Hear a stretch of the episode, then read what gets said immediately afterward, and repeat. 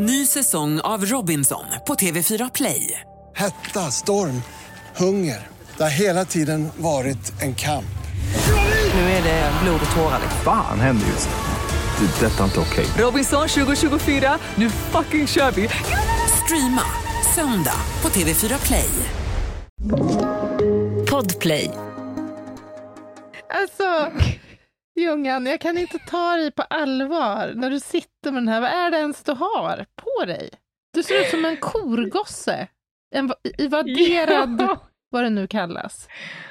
Hellre korgosse än kolgosse, som det heter. Det är en värmedyna, för jag har smärtsen. Mm. Jag har så mycket piller, Anna. Mm. Men det hjälper ju inte. Usch, vad jobbigt. Är det här något du vill dela med dig av till, till våra lyssnare? Nej. Absolut inte. Men jag kan ha en snabb debriefing om en Mm. dag. Nej, det ska jag inte alls ha. Men jag gi- gick till verkstaden för att boka en tid, för att det var ett litet lätt metalliskt Mm, ljud mm. vid vänster hjulhus.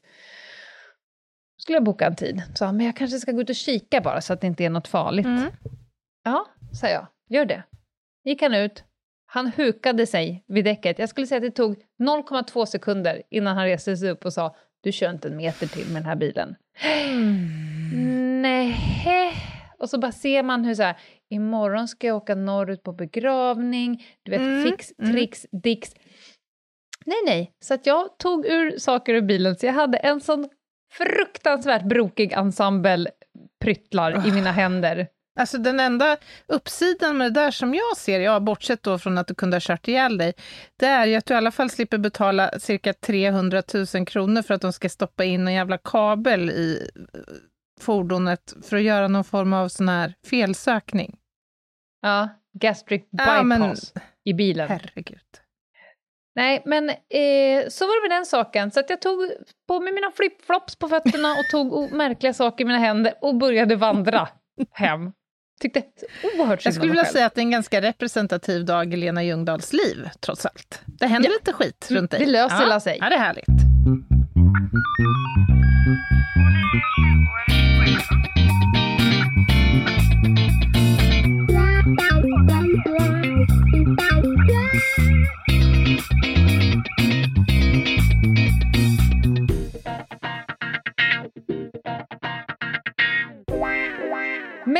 Anna, nu har vi fått några reaktioner på förra veckans avsnitt om forensisk omvårdnad. Ja, men alltså det har ju strömmat in lite reaktioner i avseendet Gud så viktigt det här är och det här ska jag prata med min arbetsgrupp och med min chef om. Och Mm. Vi har även fått några exempel på initiativ som har tagits i lite olika landstingsregioner runt om i landet. Så det här är ju liksom verkligen någonting som är på G och som är angeläget och det känns ju kanon. Hade vi haft samma avsnitt för tio år sedan så tror jag knappt någon hade hört talas om det. Även Nej. de som jobbar inom vården. Jag tror som du. Du tror som jag. Mm. Va- Vart tar vi oss den här veckan i så fall då? Ja, men idag blir det ju ännu mer fokus på eh, sjukvården och framförallt ambulansen. Det blir blåljus även idag, så att säga. Mhm. Och vi kommer köra på, du och jag, fram till paus. Efter paus så kommer det bli intervju Mm. med en som jobbar med just det. Köra Mhm. pling-plong-taxi, Just det. hit och dit. Hör du skillnad på en pling-plong-taxi och en eh, polisbil och kanske till och med en brandbil? Jag skulle vilja hävda ja. Mm. Men kanske skulle arrangera ett litet test någon dag? blindtest? Ja. Ja, för all del. Det har man ju hävdat att man kan ett par gånger känna skillnad på olika typer av kolsyrevatten. Ja, just det. Det kan man ju inte. Nej, rött och vitt vin och sådär. Pepsi Eh, och jo. cola. Ja, men med, alltså, bli, vad heter det? Stängda ögon, heter det. ja, annars är det inte så svårt att känna skillnad på rött och vitt vin.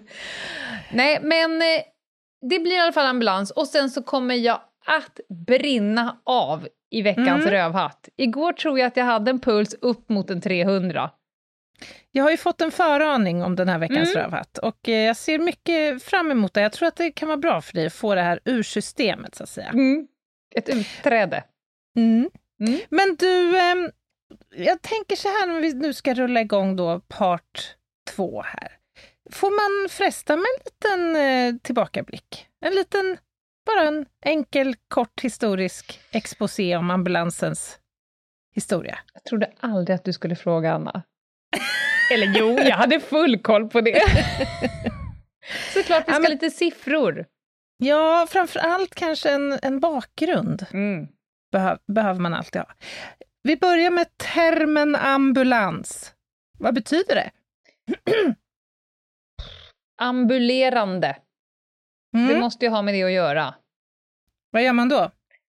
Man är beredd och far hit och dit.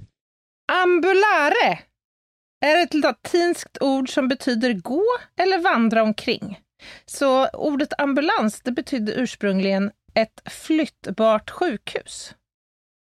Snyggt! Det är Ja. ju precis vad det är.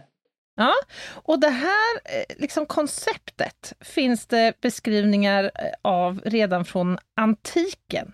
Där fanns liksom förlagorna till dagens ambulanser. Det, var då, det handlade om kärror som man helt enkelt då forslade bort skadade patienter med. Men det var egentligen läkaren och baronen Dominique Jean Larey som kom på... Nu händer något på insidan av Ginghede som jag inte alls hängde med på. Nej, jag fick bara se, syn på dig. Ska jag dra något gammalt över mig? Gud, det Eller är så- underlätta? svårt att ta dig på allvar när det ser ut som att du sitter i någon form av kuddrum där på andra sidan. I alla fall, den här, Kämpa. ja, den här läkaren han kom på idén i slutet på 1700-talet att det här med flygande fältsjukhus var en bra grej. Och det här var då under Napoleons fälttåg. Mm. Eh, och vid den här tidpunkten så användes bland annat i Egypten kamelburna bärstolar. Det är väl ändå maffigt att få åka kamel till sjukhuset? Och jag ser bara framför mig stora tyska gubbar när du säger såna här, du vet, åh jag är på Lanzarote och fotar mig själv i en kamelstol. Nej, nej, men det här är ju liksom kamelambulansen. Ja, det är klockrent. Och- Och dåtidens motsvarighet till sirener då, det var en trumpetare. Det här tycker jag är lite läckert ändå. De hade alltså en trumpetare som fanns med i varje vagn och som Mm. hade till uppgift då att liksom uppmärksamma omgivningen. och att det ju- kommer en kamel. Ja, med Ja. en patient som är i behov av akut vård. Mm. Och ombord då så var det var inga läkare vid den här tidpunkten i liksom ordets rätta bemärkelse, utan då var ju då medicinskt tränade barberare. I alla fall så man så- kunde få sig en liten mustaschvaxning och operera bort blindtarmen samtidigt? Ja, men jag tror att dåtidens fältskärare var just ofta barberare. Okej. I alla fall så spred sig ju den här idén till den civila sidan, så att det inte var bara en grej för liksom, krig. Mm. Eh, Så att under 1800-talet så liksom börjar de här första ambulanserna i en mer, liksom, av en mer modern form eh, ta sin form. I början på 1900-talet sen så mobiliserade drottning Sofia militära hästambulanser inför det hotande kriget mellan Norge och Sverige. Men det här kriget bröt eh, aldrig ut, så istället så tog man då Sofia-ambulanserna i bruk för i, i civilt syfte.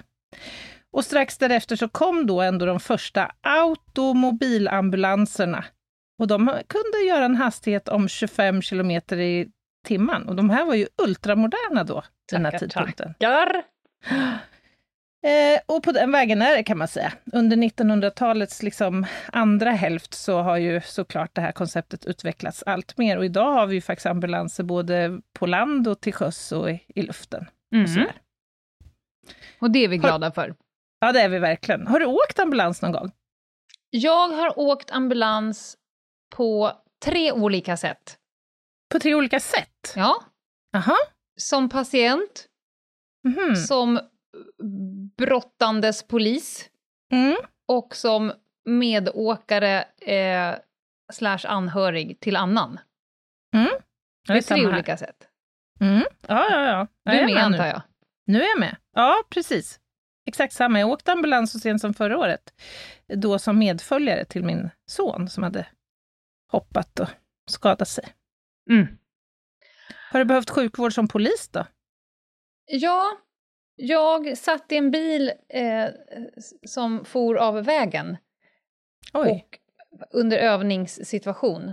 Och då Mm. fick jag åka upp till eh, sjukan för att jag hade dålig känsel i fingrarna på vänster hand. Mhm. Och då trodde de då att det var något tjorv med nacken, vilket det visade sig vara. Och där, klick, klipp till att jag sitter Mm. som en kolgosse. Ja, för spontant känner jag att det kanske hade varit bra om du hade åkt den där Ja. gången. Ja, men jag Ändå. gjorde ju det. Mm. Jag for. Eh, det roliga var att jag var lite omtöcknad och eh, de skickade in mig på röntgen. Mm. Och sen kommer de ut och så säger läkaren så här, jag förstår verkligen varför du har ont i rygg och nacke. Du har ju ingen ryggrad. Nej, då hade de glömt ta av mig skyddsvästen. Jag hade plattor fram och bak. så sen klippte de av mig eh, skyddsvästen och så gjorde vi om alltihopa och då hade jag en ryggrad. Ja. Ja. Men det är Mm. den enda gången jag har, eh, eller sökt sjukvård som polis, man har ju liksom plåstrats, men inte, ja. inte på pling plong taxinivå. Nej. Du då? Jag har, ja, men nej, jag har aldrig behövt åka ambulans i tjänsten, men däremot så har jag varit ytterst nära att ringa efter en ambulans till en brottsplats en gång. För jag hade någon form av något nervstrul i en fot och hade jobbat kanske sju, åtta timmar på en plats och hade lika många timmar kvar. Mhm. Och du vet så här, för varje steg jag liksom satte ner foten i kängan med, så blev det bara värre och värre och värre. Och till slut kunde jag knappt gå på foten för att det var någon nerv i kläm. Så, alltså det var verkligen så här, jag behöver få hit någon som kan lägga en bedövningsspruta under foten på Ja, mig så att jag kan det jobba. kanske är lite väl åka ambulans, Anna, för att ha kill, Nej! i, kill i hälen. Nej, men alternativet var ju att jag skulle åka in till en akutmottagning och fattar, jag bara, nu lägger ni långtidsbedövning här i min fot så att jag kan jobba. Ja. Men det kändes lite fånigt och jag härdade ut ändå. Men jag antar att du har varit i kontakt med ambulansen ganska mycket i tjänsten som polis?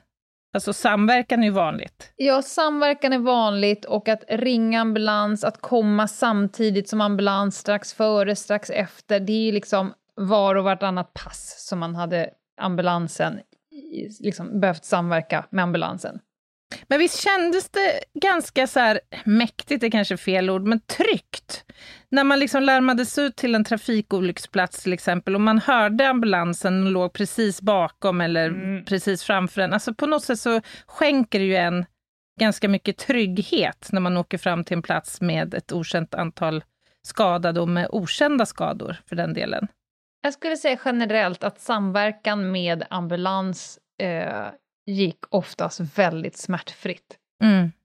Det var ett roligt Anna-skämt i och för sig, men... Så jag tar tillbaka, jag vill inte dra sådana tråkiga skämt. Det var okynnes! Shit Lena! Boom! Bum, bum, bum! Ja. Nej, men, men alltså, det är så här, jag tycker att det var en fröjd att, att samverka med ambulansen. Jag har Mm. i princip inga fall där jag känner att nej, vet ni ens vad ni håller på med? Nej, nej, men samma här. Mm. Sjukt impad är jag också över deras yrkesskicklighet i ganska stressade situationer många gånger. Ja. Den absolut vanligaste formen skulle jag säga, det var ju trafikolyckorna. Mm. Och där drar de ju ofta både polis och ambulans och kanske räddningstjänst liksom i defaultläget från början, Mm. lite beroende på vad som har hänt. Jag kan dra ett, eller jobbiga exempel, det är när man kommer på plats när man ser så här, ah, det är två bilar som har krockat, det är vad vi kan Mm. räkna fram till. Mm. Men det står 14 bilar till här och jättemånga människor runt omkring. Man fattar inte, vem satt i vilken Mm. bil? Mm. Vem är skadad? Nej, folk har sprungit hit från närliggande bostadsområde Ja, och ska ja. försöka så här, göra upp. Nej, då, då är det väl till, till sig. Det är, inte, det är en glidande skala ambulanspolis. De får ibland träda i tjänst som någon form av ordningspersoner Mm. också. Mm. Men det läskigaste fallet jag har varit på, det är faktiskt en... Vi kommer till en viadukt där det är ett, liksom ett, ett räcke vid gångbanan. Det, det räcket som särskiljer eh, bilvägen och gångbanan Mm. hade liksom gått av på något sätt. Så är det någon bil som, han hade somnat eller något. Så han har alltså åkt upp och fått räcket in genom motorhuven. Den kom ut strax under ratten, räcket fy. bak, rätt igenom barnstolen och ut. Alltså Åh, så bilen var spettad längs med. Men det satt ingen i barnstolen hoppas jag. Nej, han hade varit och lämnat ungen precis. Åh.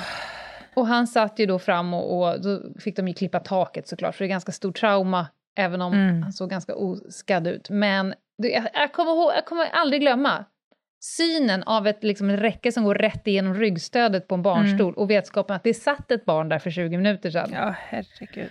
Vad läskigt alltså. Mm, mycket. Jaha, men trafikolyckor är ju vanligt. En annan vanligt förekommande liksom, tjänsteåtgärd där man samverkar med ambulansen, det är ju alla former av planerade händelser. Mm. När det ska bli kommenderingar, sportevenemang, Ja, just det. när eh, generellt män i grupp ska mötas och titta på sport. Ja, just det. Då, då kan det behöva plåstras om en Ja. annan näsa och... Märkligt nog att man ska göra illa så mycket näsan och ögonbryn av att titta på sport. ja, det är så våldsamt det det, är en kontaktsport att vara publik på sport. Ja, verkligen. Väldigt få personer håller på med det. Men med planerade insatser, då kan man ju träffas ihop och, och stå och fika och veta att snart så kommer vi behöva samverka. Mm. Event, eh, konserter, ja. Ja, det kan ju vara alla möjliga typer av liksom, offentliga tillställningar. Mm. Demonstrationer eller... Ja, Power meet. Det finns ju någon sån där när man visar upp tjusiga eh, gamla bilar längs Sveavägen i Stockholm. mm, och i Västerås har det ju varit Just historiskt. Mm. Då är det faktiskt en glidande skala även för, för polisen, för då springer man ju egentligen bara runt. Till 90% går det ut på att hälla ut öl och att springa runt och sätta Kalle Anka-plåster på näsan på folk som har trillat Ja. av bilen bakåt när någon gasat lite för hårt. Ja, men precis. Det är ju liksom ordningshållning och mycket preventiva insatser kan man Mm. väl säga.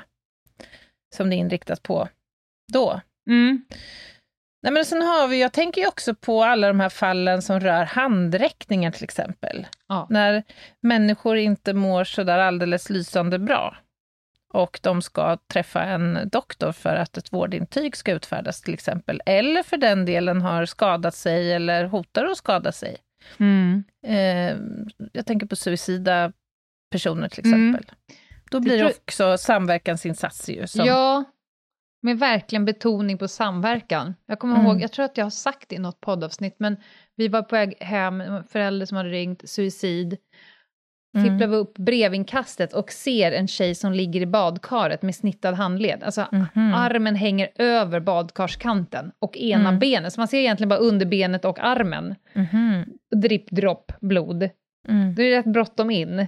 Mm, Och då står ju ambulansen bakom och flåsar bara eh, öppna dörren, öppna dörren. Man Mm. bara ja, alltså vi försöker, vi försöker, då använder man någonting som man kallar för force-verktyg. Man försöker helt enkelt slå sig in.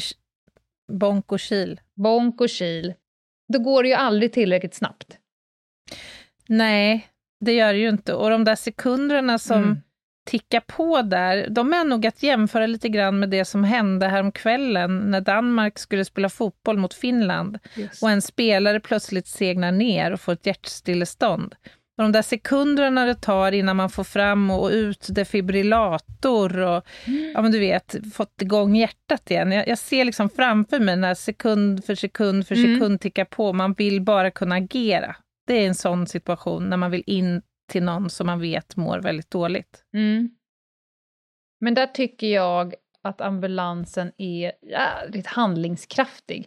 De har ju varit på så oerhört många situationer. Om man, om man jämför med alltså, sjukvård, när man kommer till sjukhuset, då finns en ganska given rutin och en given, liksom, vem gör vad och så vidare. Men i och med att de kommer ut, precis som en polispatrull eller eh, räddningstjänsten kommer ut till en plats, Mm. Kan vara precis vad fan som helst. Och det kan behöva lösas ja. på 10 000 olika sätt.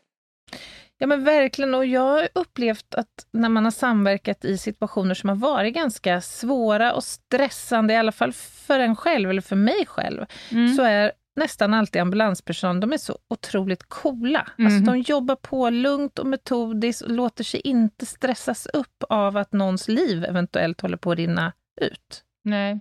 Men vad säger du om ambulansen då? Eh, Det du pratade om förra veckan, forensisk omvårdnad. Hur är de på den brottsutredande tanken, tycker du? För det kan ju ibland se ut som ett fucking krig när man kommer fram Mm. av papper och, och kanyler och grejer.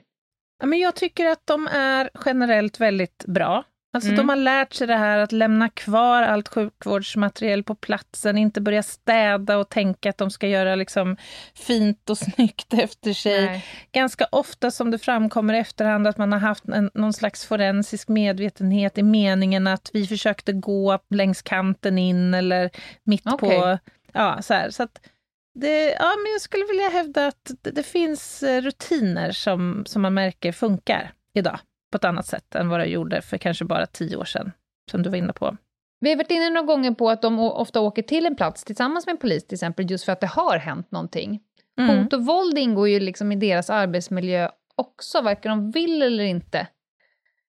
Ja, men jag skulle vilja hävda att överhuvudtaget att jobba på ambulansen innebär ju en ganska utsatt arbetsmiljö totalt sett. Alltså den är ju ganska lik polisens i, i många avseenden. Dels det här som du är inne på med hot och våld, men det är också ett extremt utsatt yrke trafikmässigt, till exempel.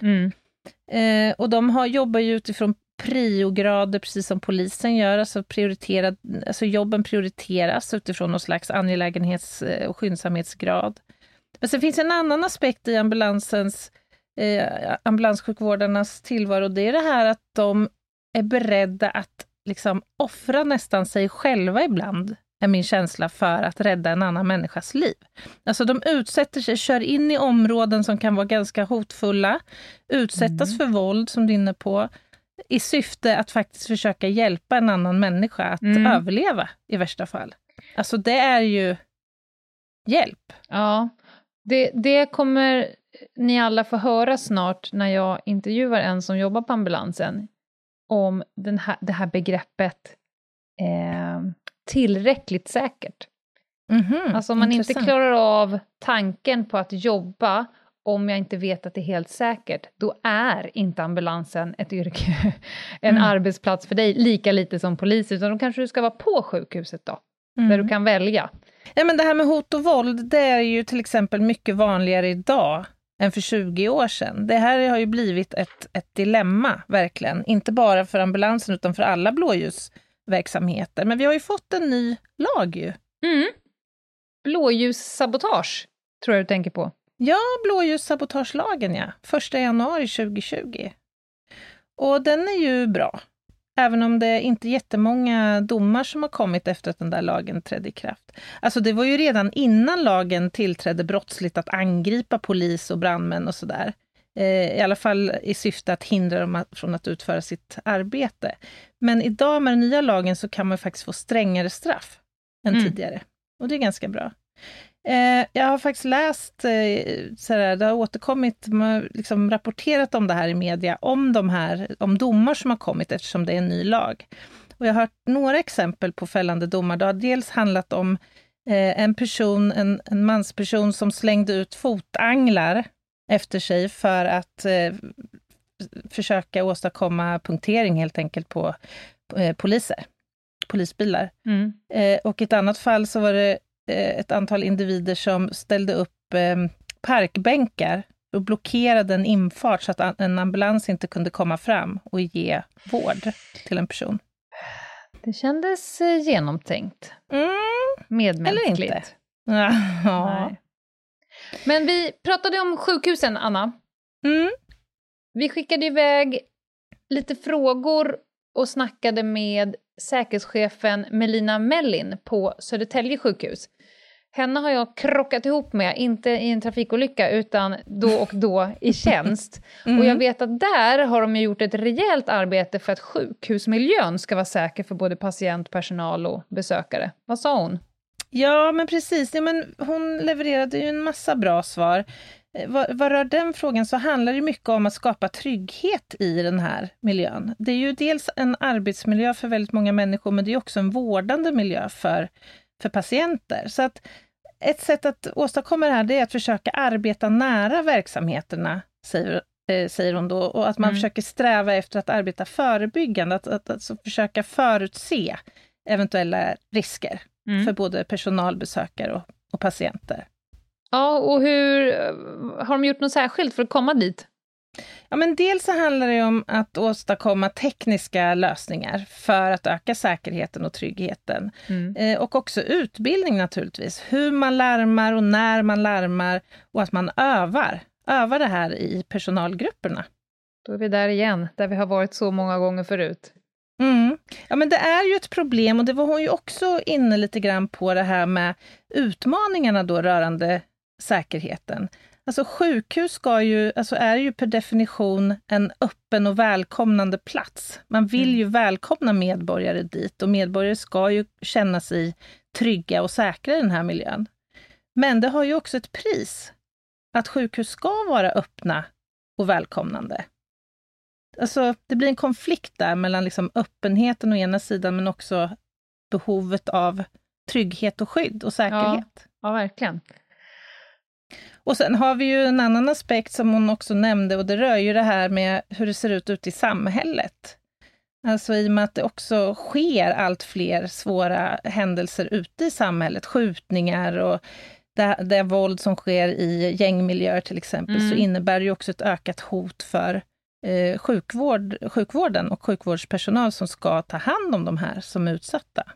Det tror jag att jag har nämnt tidigare, lite av en polistaktik, att när man märker att det sker något sånt, istället mm. för att alla åker till den platsen och sen åker med upp till sjukhuset, så kan man skicka poliser upp till sjukhuset, de närliggande, direkt, för att man mm. tänker att det kommer att komma personer hit eh, med eh, ett bihang av folk, kanske beväpnade. Mm. Ja, så att man är beredd ja, från start och samverkar med sjukhusen. Ja, men det är oerhört viktigt naturligtvis. Vad sa hon om personalen då? Har, de, har hennes personal, eller där hon jobbar, kunskap i hur man undviker och ja, hanterar hot och våldssituationer? Ja, men det här är också ett område som man har prioriterat, så att man har fått ut, eller gett utbildning rörande hot och våldsituationer. Sen är det ju ett dilemma, så det är ganska hög omsättning på personal, även i den här arbetsmiljön, så att mm. Så att här har man ju försökt att lösa då med digitala möjligheter till utbildning, kortare varianter, som man kan liksom återkommande köra det här då. Smart. Och, um, och nu, hon berättade också om ett ganska intressant eh, projekt kring VR. Virtual mm reality. Kommer du ihåg FX-övningarna på Polishögskolan? Jajamän! Alltså det här att faktiskt eh, simulera hur man får möta då en hotfull person. Ja, det är ju inte en riktig person, utan det blir en interaktiv eller mm. virtuell liksom, lärande miljö. Så det blir intressant, så det ska de testa även i sjukvården nu. Spännande att se hur det faller ut. Mm. Vad tycker Verkligen. hon om samarbetet med polisen där borta i Södertälje? Ja, men hon upplevde det som bra. Alltså, hon, hon säger ju att det, man ställs inför ett antal svåra liksom, frågor och beslut fortlöpande i ens eh, verksamhet. Men där verkar man ha lyckats ganska bra med att etablera just samverkan då med polisen för att också få stöd i, i de här frågorna. Mm. Så det upplevde hon som väldigt positivt. Jaha, sen brukar vi ju ställa frågan till eh, de vi intervjuar och det är ju om hon har någon önskan. Om mm. hon vill ändra någon lagstiftning, någon utrustning och prylar hon vill ha, någon annan typ av samverkan eller rutiner. Hade hon något? Mm. Ja, men där hade hon ju det här med kamerabevakning. Hon vill ha en ny lagstiftning rörande möjligheten att få sätta upp kameror helt enkelt på all, i allmänna utrymmen Just på sjukhus. Det. Och det där är lite problematiskt, för det blir ju ett hot liksom mot den personliga integriteten såklart, mm. som ska... Pris, det priset ska ställas mot priset för att utsättas då för hot och våld, helt enkelt, i, mm. i de här miljöerna. Jag tänker också att de säkert vill ha det rent förebyggande, om man vet att det är eh, kameraövervakat i de här stora öppna utrymmena, alltså inte där vård ges eller Precis. fås. Att ja, det i sig ska vara avskräckande. Ja, men det är ju det det är ju liksom brottspreventivt. Mm. Så att jag förstår henne där. Eh, och i övrigt så vill hon skicka med att eh, vi skulle vara följsamma enligt Folkhälsomyndighetens rekommendationer. Ja. Faran är inte över och förbi ännu. Det förstår alla våra djupt intelligenta lyssnare. Mm. Ja men tack Anna, det där var ju bra att få höra lite sjukhusens aspekt på säkerhet och samverkan med polis. Mm. Nu tar vi då den andra sidan, alltså ambulansen. Jag träffade Andreas Anlund mm. som är specialistsjuksköterska och jobbar som ambulanssjukvårdare sen ett tag tillbaka och är också lärare på polisutbildningen i just akutsjukvård. Men oj vad spännande. Ja. Men du, jag måste gå och kissa först. Det går bra, beviljas. Tack.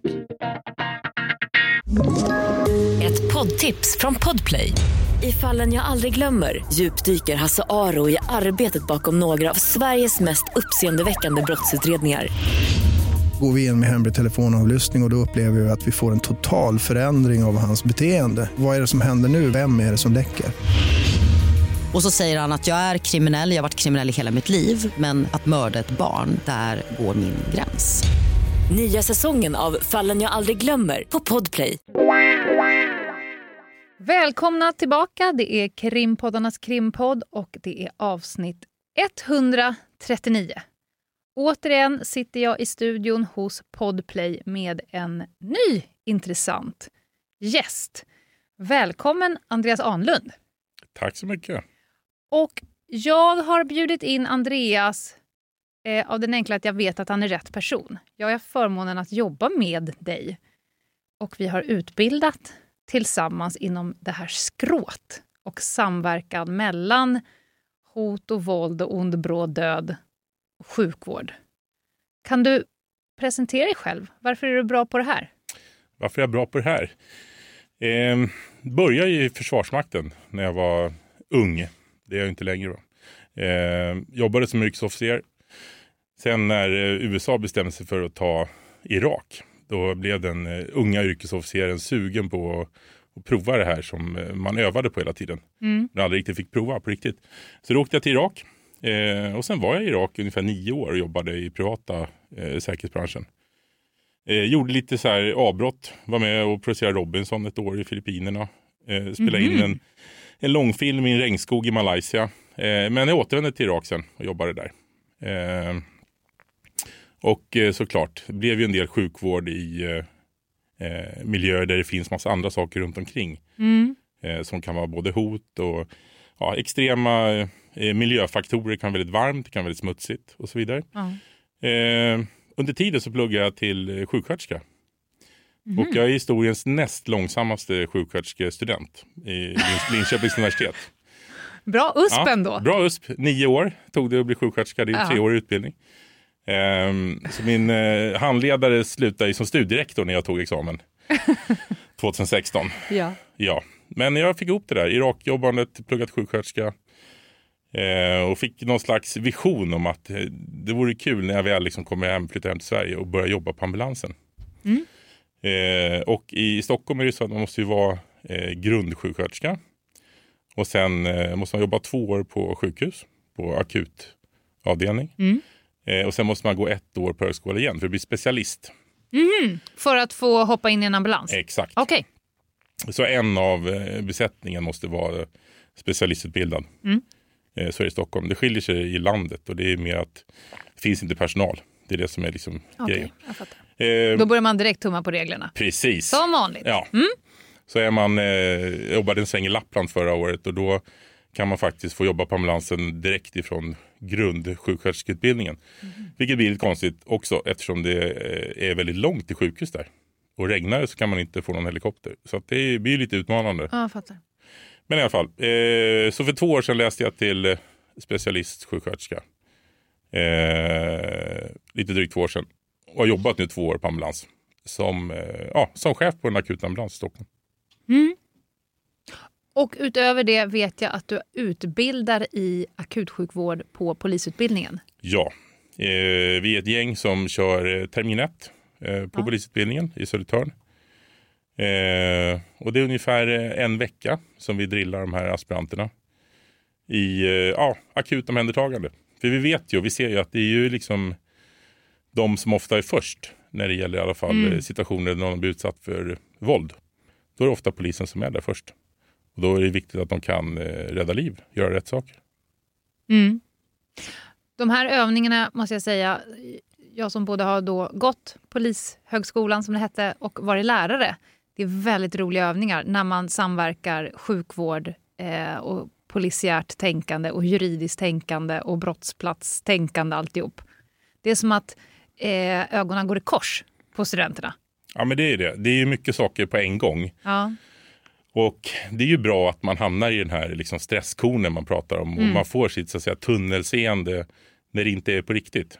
Och det är de jätteduktiga. Nu ska vi inte spoila det här va, för eventuella aspiranter, nyblivna aspiranter Mm. och kommande som lyssnar på det här. Men eh, polisutbildningen är duktiga på att få till en upplevelsebaserad eh, övning sen senare under Ja. utbildningen.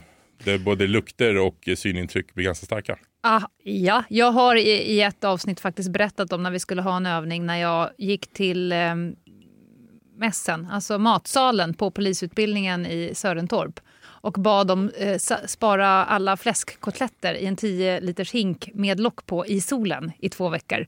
Och sen tog jag hinken och stoppade in i en lägenhet och öppnade locket när vi skulle börja öva på olika saker. Mycket bra trick. I know. Mycket bra trick. Visste jag dock inte att den första tjejen som gick in var i elfte veckan gravid, så hon spydde på tröskeln. Ja, men det adderar ju på, Ja, eh, på lukten. Verklighetstroget. Jag har spytt på brottsplats. Ja. Mycket bra. Vi kan ju dela med oss med ett bra tips också om man vill göra sitt hemmagjorda kräk. Eh, ärtsoppa på Mm. sån här korv man köper i affären Ja. och vinäger. Så blandar man det. Mm. Och det får en, en väldigt bra konsistens och en bra lukt. Om man nu vill liksom känner sig sugen på att göra lite sådana övningskräk. Och varför utsätter man eh, polisstudenter för det här? Jo, för att när de sen kommer att eh, bemöta detta i verkligheten så har de redan varit i situationen minst en gång tidigare och hjärnan kan inte skilja på övning och verklighet. Så, slipp, så slipper man känna på sin egen eh, stresspanik för första gången live så att säga. Exakt. Så man ska alltid försöka öva så mycket som möjligt. Eh, det finns ju olika övningskulturer inom olika liksom, blåljusskrå. Så. Mm. Räddningstjänsten är väl de som övar mest för de har liksom mest tid. Ja. Eh, och sen går det ne- neråt. Liksom. Eh, ambulansen kanske övar minst av alla skulle jag vilja säga. Speciellt i Stockholm. För Mm. man åker och, till sjuka och skadade precis hela tiden. Ja. Eh, men eh, det är en förmån brukar jag säga att få öva eh, i sådana miljöer där det blir lite mer, eh, ja men det blir ljus och ljud och lukt. Eh, Mm. Precis som du säger också, då känner kroppen igen sig när man väl hamnar där. Mm. Och då kan man istället fokusera på att göra rätt åtgärder och ta rätt beslut. Men när vi pratar om det, öva och samverka, som det här avsnittet handlar om. Eh, jag har ju varit med när ni och vi har varit på eh, brandstationer och övat att komma till en plats. För det är inte så stor skillnad på akutsjukvård och räddningstjänsterna. Att komma till en plats och tänka sig att man ska göra en uppgift, släcka en brand eller eh, klippa ut någon ur en bil och sådär. Men där kanske den största utmaningen inte är själva sjukdomsbilden utan att det är någon yttre fara, någon som kastar sten på en eller patienten är beväpnad och sådär. Hur, hur tränade är sjukvårdspersonal på att tänka det kanske är någon som vill mig illa? Eh, det är ju så, vi är ju lite bortskämda med att just eh, sjukvårdspersonalen är ju oftast, i nästan alla fall, så är det någon som har längtat efter oss. Ja. Och till och med uttrycker lite så här, ja men vad skönt att ni kom. Och ibland när det tar tid, när det är mycket att göra. Eh, och vi kommer till någon som har väntat länge. Mm. Där man har bedömt från SOS sida att det inte är akut livshotande. Då kan man ju få lite skäll på sig först att det tog så lång tid. Men de flesta förstår ju att det inte är så att säga, vårt fel. Utan Mm. det är ett högt tryck på sjukvården. Eh, så vi är bortskämda med att folk blir glada. Mm. Även så att säga elaka. Eh, Mm. Och onda människor kan ju skada sig och de blir ofta glada av att träffa oss också. Mm. Eh, men vi är ganska dåliga på eh, det här när det vänder. För det kan ju bli som du säger situationer där vi hamnar i någonting som kanske ibland är riktat mot oss. Bara för att vi är blåljuspersonal representerar Mm. liksom en myndighet, samhället. Eh, men vi kan ju också hamna i någonting när vi är tillsammans med polis eh, på något som är kanske riktat mer mot polisen. Men vi är Mm. där så att vi hamnar i det också. Mm. Eh, Så det försöker jag öva på. Vi har ju liksom vårt S som vi alltid, alltid ska tänka. Liksom säkerhet, egen säkerhet, Mm. eh, patientens säkerhet. Och det försöker jag som även är utbildad sjukvårdspersonal att det kan vara en säker plats att börja med. Men S är dynamiskt, det kan ju hända någonting. Exakt. Jag har ett roligt exempel från, det var inte så många veckor sedan, jag var hemma hos en dam som hade lite andnöd. Eh, populär åkomma i de här tiderna. Eh, Mm. Ställer mig vid hennes säng, börjar ta hand om henne. Hon är inte alls hotfull på något sätt. Men ska jag ta ett blodsocker på henne, då tappar jag blodsockermätaren. Eh, och när jag tar upp den så ser jag under sängen att det ligger en hagelgevär under den här damens säng. Ja, Ja. det kunde du inte se komma. Nej, det kunde jag inte se komma. Nej. Och eh, vi kan kalla henne Kerstin, eh, heter hon inte egentligen då, men eh, sa det, men Kerstin du har ju faktiskt ett hagelgevär under sängen. Ja, det känns tryggt att ha det där geväret under sängen. Eh, så hon var ju inte ett hot mot oss, men Nej. det är ju liksom en eh, ögonöppnare. Ja, verkligen. Sen kan det vara ett annat läge att man eh, inne hos någon, eh, kollegan kanske tar hand om personen och efteråt så pratar man lite. Och så kan man säga så här, men såg du förskäraren som var instucken Mm. under liksom, fåtöljkudden? Mm. Nej, kollegan har inte sett det för det var liksom någon som var riktigt Mm. dålig. Eh, så det är viktigt att man tittar och, och känner av åt varandra. Men det, det finns ju många situationer där det kan bli hotfullt såklart. Men eh, som jag sa i inledningen, de flesta längtar efter oss. Det är ändå eh, eh, liksom en positiv grej med våran, vår del i blåljuskakan. Mm. Jag tänker också att ibland kommer ju ni, liksom polisen, liksom räddningstjänsten till platser av just den anledningen att det är farligt, att det har hänt någonting. Säg bara Drottninggatan, att dundra in med, med sjukvården eh, där eller, eller på andra platser. Eh, så att, att vi pratar lite split vision, att inte mållåsa, att inte bara tänka på nu ska vi fram till den där bilen och göra det där jobbet utan att försöka plocka in vad som händer runt omkring med ögon och öron. Exakt. och eh, tidigare var man mycket så här, man, eh, det finns något som kallas brytpunkt. Eh, Ja. Om jag pratade om det tidigare. Mm-mm. Eh, och på brytpunkten, där vill ju gärna, eh, i alla fall för ambulansen stå och vänta tills det är liksom eh, är tryggt och säkert och lugnt så att vi får komma fram och jobba, ta, fram, ta hand om patienterna. Men eh, nu har ju även vi förstått att det ju kanske aldrig kommer hamna i det läget att det blir fullständigt säkert en plats. Och vi måste fram och rädda liv. Ehm, så då har man ju det här tillräckligt säkert. Och det har jag själv upplevt några gånger att man, eh, liksom, man stannar inte ens på brytpunkten. Man rullar igenom en polis som Man skriker bromsar till till lite. Ja, men man sladdar till lite. Ja. Hade en sån eh, en incident, eh, allvarlig, när två blev skjutna i en bil från en annan bil. Eh, och vi rullade in som ambulans nummer två, eh, södra Stockholm. Och det- brytpunkten var en mack. Och eh, jag tog ner rutan lite bara och en polis skrek till mig, tillräckligt säkert. Och jag liksom eh, svarade tillbaka, tillräckligt säkert, vi rullar. Eh, för där var ju personer som behövde sjukvård Ja, direkt. visst. Men man vill ha det här eh, tillräckligt säkert. Mm. Och det diskuterar vi mycket på polisutbildningen. Tillräckligt säkert för en polis eh, Just behöver inte betyda tillräckligt säkert för en ambulanskusk. En eh, ambulanspersonal. Så det är en ganska stor skillnad i om man tänker på det man går igenom på polisutbildningen i taktik, metodik, utrustningen du har på ditt koppel. Alltså du är tränad för att möta hot och våld i en helt annan utsträckning. En helt annan utsträckning, ja, precis. Så eh, tillräckligt säker, ett annat uttryck som man kan slänga sig med är acceptabel risk. Mm. För om man inte tar någon risk, då kan du ju inte hoppa in i din bil och åka ut i början på passet överhuvudtaget. Nej, och det brukar jag ju säga till en del eh, kollegor som ja, uttrycker mycket oro inför de här situationerna. Ja. Och det är lite så, vem ska ta hand om de här eh, skadade barnen eller äldre eller vad det nu är för patienter i, ett- i ett farligt område om det inte är vi? Då kanske man ska fundera på om man ska jobba på sjukhus istället. Ja, just det. Lite så. Man får lägga fram det. Man får respektera oron. Man får också eh, bestämma sig för att ja, men vill jag jobba i en blåljusverksamhet så kommer inte jag alltid få välja om det ska vara säkert eller inte. Utan det är någonting som bara kommer ske. Mm. Först kommer situationen och du ska anpassa dig till den. och inte, Det kommer väldigt sällan bli tvärtom. Ja, precis. Väldigt Mm. sällan. Mm. Generellt då, samverkan med polisen. Tycker att det funkar bra? Eh, det funkar bra när man väl eh, eh, får fatt på dem. Eh, det är det här Ja. klassiska att vi ofta gnäller på ambulansen att vart är polisen? Vi får en sån här rapskanal, Ja, just det. Eh, samverkanskanal på, i vårt radio eller kommunikationssystem. Mm. Eh, men det är inte alltid att vi får en polispatrull på den här rapskanalen. Eh, och speciellt om man är ny på ambulansen, då tror man, har man en raps då har man polis, men det, så är det ju inte alltid. Eh, och jag jobbar mycket i en, i en ytterkommun som inte ens har någon polisstation. Eh, kan ibland vara så att man är långt ute i skärgården.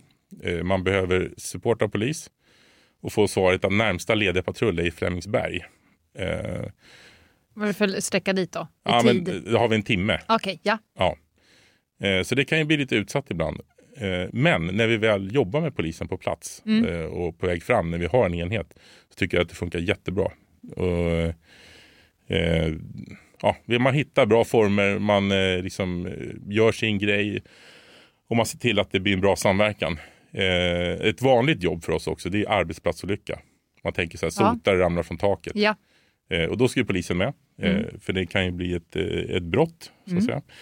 Ehm, och då är i alla fall jag mån om och försöker liksom se till att polisen, om det inte är en kritisk patient, att polisen får prata med patienten och ta ett första förhör Mm. innan vi rullar. Och att, ja, är det inte kritiskt då ser man till att polisen får göra sitt jobb innan Mm. vi drar. Eh, och sådär. Det är viktigt. Vi pratade i förra avsnittet, förra torsdagen, om forensisk omvårdnad som eh, Anna vurmar mycket för och som hon upplever att det har blivit bättre och bättre med åren. Det här med att eh, patienter, sjukvårdspatienter kan komma från en brottsplats, kan befinna sig på en brottsplats eller kan faktiskt vara en brottsplats där själva kroppen är brottsplatsen. Eh, och hon upplever att det blir bättre och bättre och att de som kriminaltekniker åker runt till eh, olika sjukhus eh, och utbildar i det här. För polisen kom ju till platsen med en utredande eh, agenda. Vad har hänt? Eh, finns det något brott? Vad ska vi skriva? Vad behöver vi samla in för att utredas? Hur mycket tänker ni det eh, redan liksom från ambulansen, det prehospitala?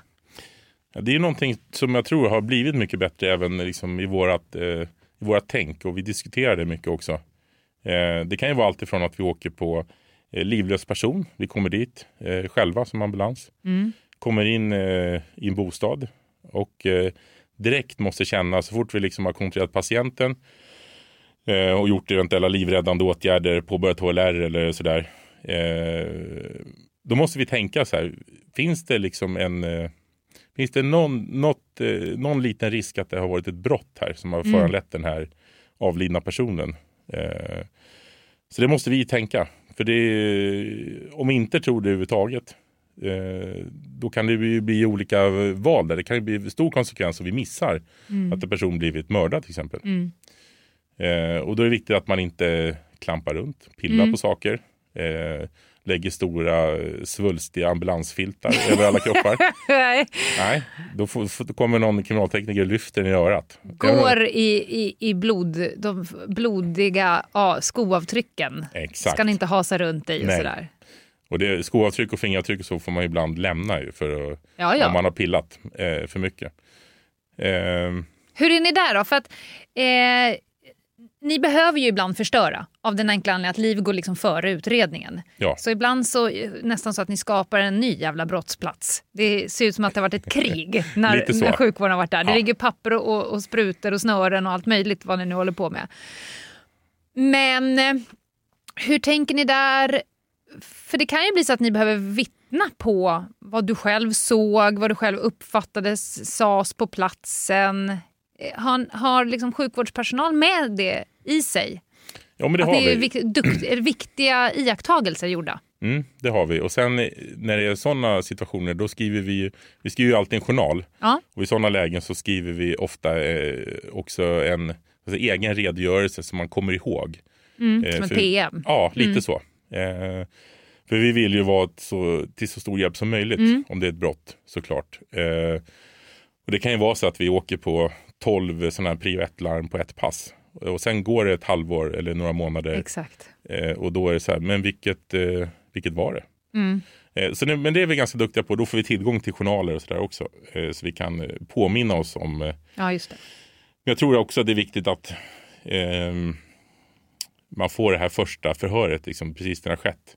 För de intrycken man har när man kommer in, det känns som att de ju, kan ju vara avgörande också. För Mm. själva utredningen, att det ska börja i rätt ände. Mm. Liksom.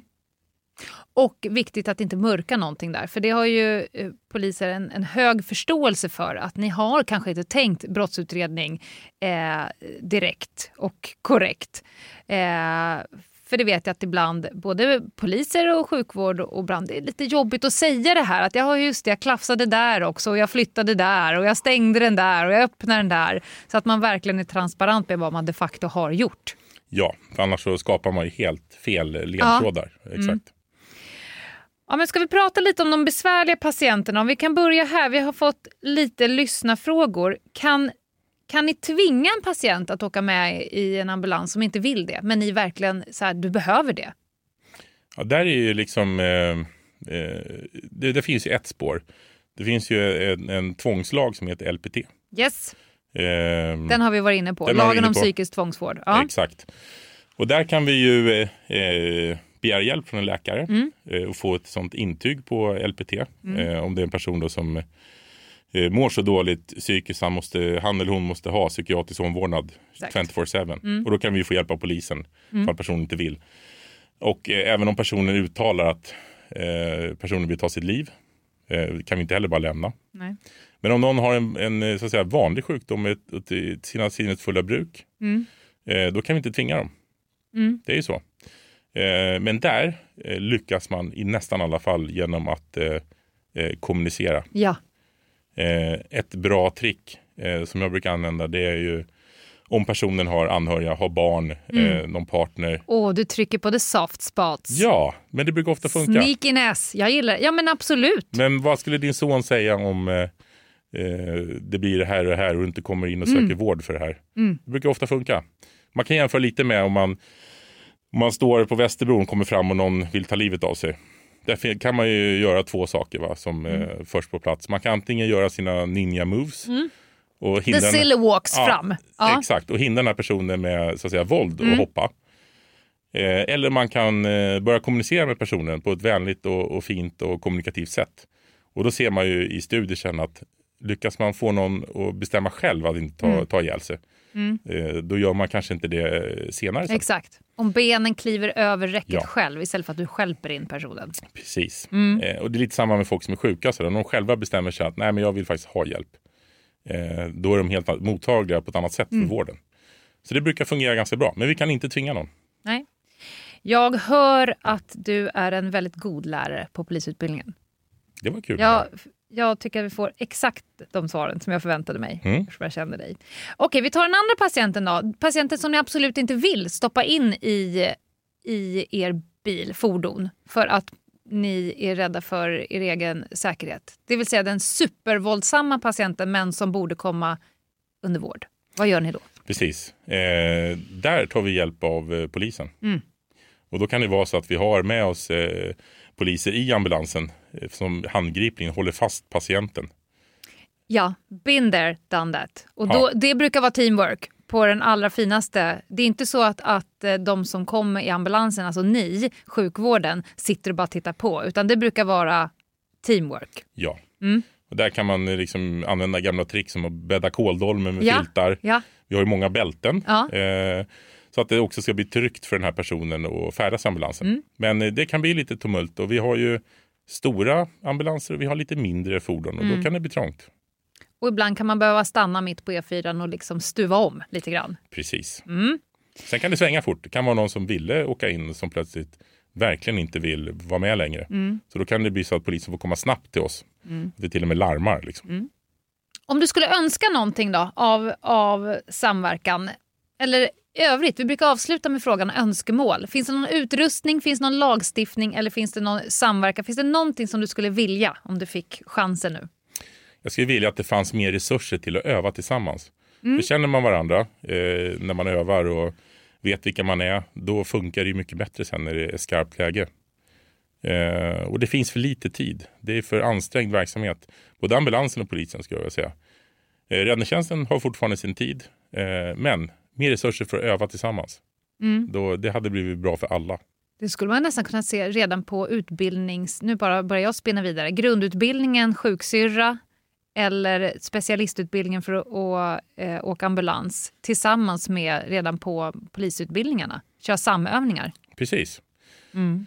Samövningar. Eh, ja, och det är så här, kan man varandras eh, språk lite också, för det blir Ja. lite så här fackspråk och så respektive gren inom blåljusen.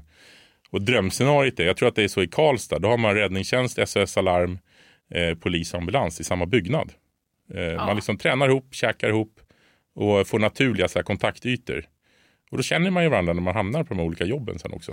Alltså man ska aldrig underskatta att, att känna igen varandra till ansikte eh, och ta en kopp kaffe. Det är så himla mycket lättare att eh, be om hjälp och det är så himla mycket lättare att ha förståelse för varandra om man är lite tjenis-tjenis. Ja, absolut. Ni som jobbar inom blåljuspersonal, ja, eller liksom skråt. Nu, jag och Andreas tycker nu att nu bakar ni sockerkaka. Det gör ju räddningstjänsten redan, det vet Mm, vi ju. Det gör de varje dag. Ja, och så, ja, det vet vi ju. Och sen så åker ni helt enkelt runt till olika instanser och fikar mer med varandra. Bästa tipset. Till exempel när jag jobbade på ungdomssektionen på narkotikaroten, då åkte vi upp och så satt vi med på piketens utsättningar. Egentligen inget syfte mer än att bli tjenis-tjenis. För när det skiter sig och eh, man vill ha hjälp, då är de lite snabbare. Ja, men det är så. I militära säger man ska alltid vara kompis med kocken och sjukvårdaren. Ja, just det. Det, det är det viktiga. Ja. Det är applicerbart även här. Ja. Tack Andreas för inblicken i ditt yrke och dina reflektioner över samverkan mellan polis och sjukvård. Tack för att jag fick komma. En sista fråga. Vad ska du göra i sommar? Jag ska köra ambulans. det Så- bästa som finns. Är det det? Ja, fantastiskt jobb. Kul. Mm. Bra, tack så mycket. Tack. Fy fasen vilken spännande person, Lena. Ja. Och vilket roligt yrke han verkar ha. Ja, men jag har ju faktiskt haft förmånen att jobba med honom. Vi utbildade utrikeskorrespondenter tillsammans innan de skulle åka iväg till farliga länder. Och Mhm. har också hållit på med räddningstjänsten i Stockholm. Så det här arbete i, i röd zon, eller het zon. Alltså Ja, när man Mm. försöker göra sitt jobb fast det också kan vara farligt. Mm. Kan säga, Andreas Ahnlund, det är en vass jävel. Jag hoppas Ja. att det framgick. Det fick man en känsla av. Definitivt. Men du, eh, jag vet ju att du sitter och laddar nu för eh, veckans, eh, eller Lenas rövhatt, så att det kanske är lika bra att jag tar samhällsinformationen idag då. Ja, gör det. Vi vill så gärna hänvisa våra lyssnare till vårt Instagramkonto, Ljungdahl och Ginghede. Och det går bra att mejla oss också på ljungdahl och gmail.com. Och det var länge sedan nu som vi puffade för eh, vår önskan att ni går in och prenumererar på podden och gärna skriv en liten recension i podcastrappen. Genialiskt gjort, Anna. Va- Hur går det? Är du, är du redo? Jag har aldrig varit mer redo. Kör Lena, kör! Lenas rövhatt. Låt mig ta med dig på en resa. Oj, oj, oj. Vi ska till Facebook. Ibland bevittnar... Jag har ju sagt... Ja, det heter så. Ja, Jag har ju tidigare sagt till exempel att jag är med i Hammarby Sjöstads eh, sån här eh, lokala grupp, Mhm. utan att överhuvudtaget bo där, just för att jag tycker att de är så jävla tappade. Alltså det, det kan inte finnas en normal människa i Hammarby Sjöstad, eller så är det så att alla normala ger fan i Facebook, så kan det också Men- vara. Det är bara det att du inte har förstått att det är samma ton och samma klimat i alla, jag vågar påstå alla dessa grupper. Ja, möjligtvis. Men igår levlade skiten en nivå till.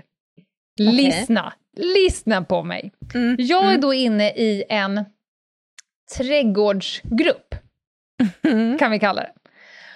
Där är, jag gillar gruppen, för där kan det vara så här, nu har jag färskt gräsklipp, här är någon som vill hämta, för då vet man att någon vill ha det till sina odlingar. Mm. Eller Mm. min hammock har gjort sitt här, är det någon som vill ha? Så går man och hämtar hos varandra, det är supertrevligt. Mm. Ofta så. Gud, då så och då så kliver det in surkärringar i etern. Såna här som egentligen inte borde hålla på med internet. Får, jag, får jag fråga, hur är könssammansättningen i denna grupp? Är det en majoritet av kvinnor? Ja, du kan tänka dig att 98 procent av alla som är med i gruppen heter Birgit och gillar pelargoner. jag tror jag förstår. Och har läppstift som luktar härsket. Mm, mm. Mm, nu förstår du vilka de är. Ja, nu har bilden klar för Men mig. jag gillar 98 procent även av dem. Men då och då dyker det in rövhattar. Mm. Då är det alltså en person som har skrivit ett inlägg i denna grupp. Mm. Nu kommer jag citera. Rakt upp och ner. Du kommer få smaka på det här inlägget. Ja. I den här Facebookgruppen är vi 489 medlemmar. När Mm. någon gör ett inlägg aviseras det om att det finns ett nytt inlägg. Då är det mycket irriterande att inläggen består av GIF-filer och andra meningslösheter som hoppande hundar, klappande katter och ruskande blommor. Kan vi inte slippa det i den här så slipper vi andra 480 personer slösa tid på rent nonsens. Men alltså, oj, oj, oj. Det här, ja. jag sa det, Ja. i det här ögonblicket har jag aldrig någonsin i hela mitt liv känt ett starkare behov av att spruta ur mig GIF-filer på klappande katter. Och ruskande hundar och, och hoppande blommor eller vad fan det nu var. Nej, nej men det, det är självklart. Alltså, det, hon, först har hon tagit reda på hur många medlemmar det är. mm. Sen har hon bestämt sig att 480 av de 489 vill inte se ruskande blommor och hoppande katter. Alltså, Och sen har hon skrivit det här. Och då tänker jag så här, nej, jag ska inte. Jag, jag satte mig rent fysiskt på händerna och bara, Lena, gör det inte. Och så kände jag bara, jo, jag måste exakt göra det. Så jag hittade den roligaste giffen jag vet på en sån här grumpy cat som sitter och bara, Klappa. så. Men när Men- jag då ska gå in, nej, då är en hel hög innan mig hunnit Ja, före. såklart ja. Så hela den här Såklart. tråden är full av det här. Men på några ställen har någon skrivit så här, eh, stäng av aviseringarna. Ja, men det är så mycket man vill säga. Det är också så här, någon borde ju vill, vilja säga också, kan vi inte förbjuda alla korkade inlägg i den här gruppen? Ja, det, det har varit rimligt. Men vad, vad Ljungdahl gör, det är ju att klicka på profilen. Jag behöver, lära, jag behöver göra en gärningsmannaprofil här. Ja, just det, såklart. jag ja. behöver veta mer. Du se- behöver veta mer om Birgit här. Jag klickar på profilen läppstift. och tittar Ja. på vad är hennes egna senaste inlägg i denna grupp. vad har hon själv liksom bjudit med? Då, eftersom hon har Ja. avdömt våra andra grejer som rent nonsens. Jag Ja, citerar, det. rent Mm, nonsens. Mm. Då kommer här ett inlägg. Det är en stor och fin bild. Det du ser på bilden är en skärbräda. Aha. Ganska nära, så du ser egentligen inte så mycket mer Nej, än nej, skärbrädan. nej, nej, nej. Är det grödor på, På skärbrädan? skärbrädan ligger en halv jävligt deppig squash. Och till bilden står det så här, jag citerar återigen. I år blir det soppa av hälften av den sista squashen av årets skörd. Men åh, Detta har hon alltså delat i gruppen med 489 personer. Jag orkar inte. Två tummen upp hade hon fått på den bilden. Det blev ingen like-raket. Jag citerar, hon vill inte se rent nonsens i den här gruppen. Törs man fråga hur många likes din katt fick? Den fick en så många såna här glada tilltryck. Men jag skulle gå in idag just för att jag visste att du skulle ställa den frågan. Nej, då är inlägget borta. Ja, ja. Alltihop är som att det, det inte har så hänt. dumt. Det blir så dumt det där. Så vad vill jag säga med det här? Jag vill säga så här, att man ska inte använda, eh, eller så här, man ska inte statuera exempel för hur andra människor använder sociala medier som är någon form av eh, en helig graal för bajs och skit. Det, är det, det behöver du Ja, vara ja, medveten det- om när du kliver ut på nätet. Att, att säga så här, nu sätter jag mig över andra, och sen var det någon som hade då skrivit att men nu får du skärpa dig. Och då har hon svarat så här, jag visste inte att det fanns så många primitiva, indi, primitiva individer i denna grupp. Primitiva, hon har för fan själv publicerat en bild på en halv squash på en skärbräda. Åh!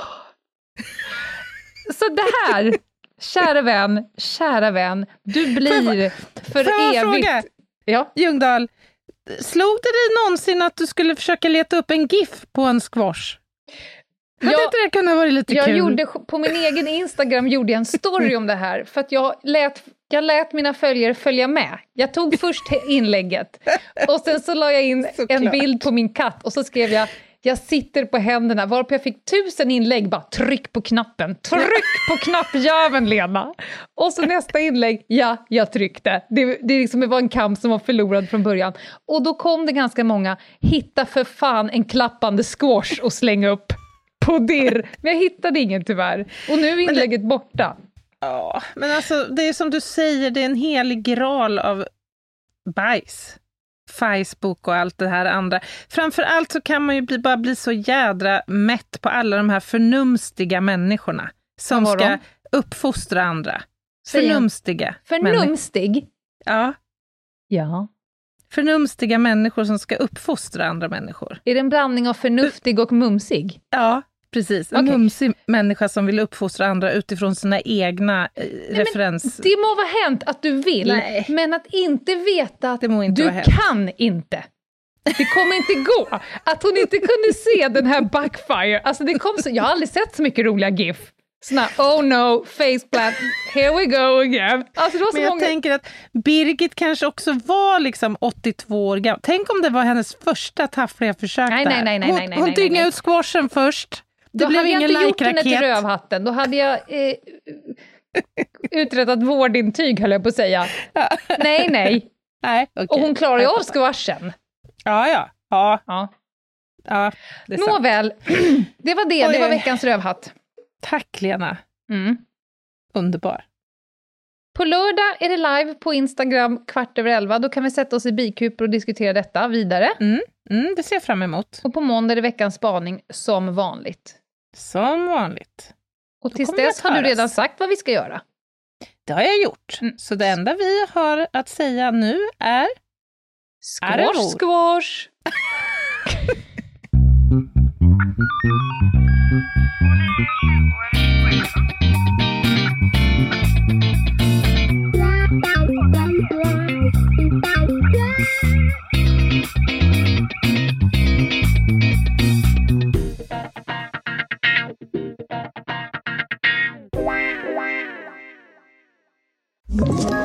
Ett poddtips från Podplay. I podden Något Kaiko garanterar östgötarna Brutti och jag, Davva, dig en stor dos skratt. Där följer jag pladask för köttätandet igen. Man är lite som en jävla vampyr. Man har fått lite blodsmak och då måste man ha mer. Udda spaningar, fängslande anekdoter och en och annan arg rant. Jag måste ha mitt kaffe på morgonen för annars är jag ingen trevlig människa. Då är du ingen trevlig människa, punkt. Något Kaiko, hör du på Podplay. Därför är gardinerna.